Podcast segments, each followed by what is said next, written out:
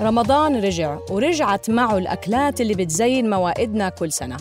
بهالموسم الرمضاني من بودكاست مهضوم رح أكون معاكم أنا ليلى الحداد علشان أحكي لكم حكايات أشهر الأكلات والمشاريب اللي انشهرت في رمضان. بتضل هذه الوصفات مهما تغيرت معالم مهمة منتنا إلها جيل ورا جيل ومن سفرة للتانية.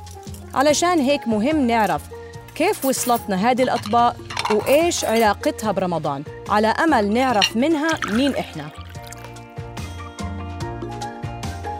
بالمناسبة بتقولوا سمبوسة ولا سمبوسك؟ ولا إذا بتعيشوا بأمريكا مثلي بتسمعوا لفظها الثالث سموسة؟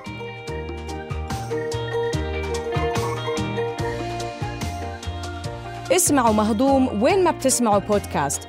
إن كان عبر أبل بودكاست، أنغامي، سبوتيفاي، ساوند كلاود أو أي منصة بودكاست تانية.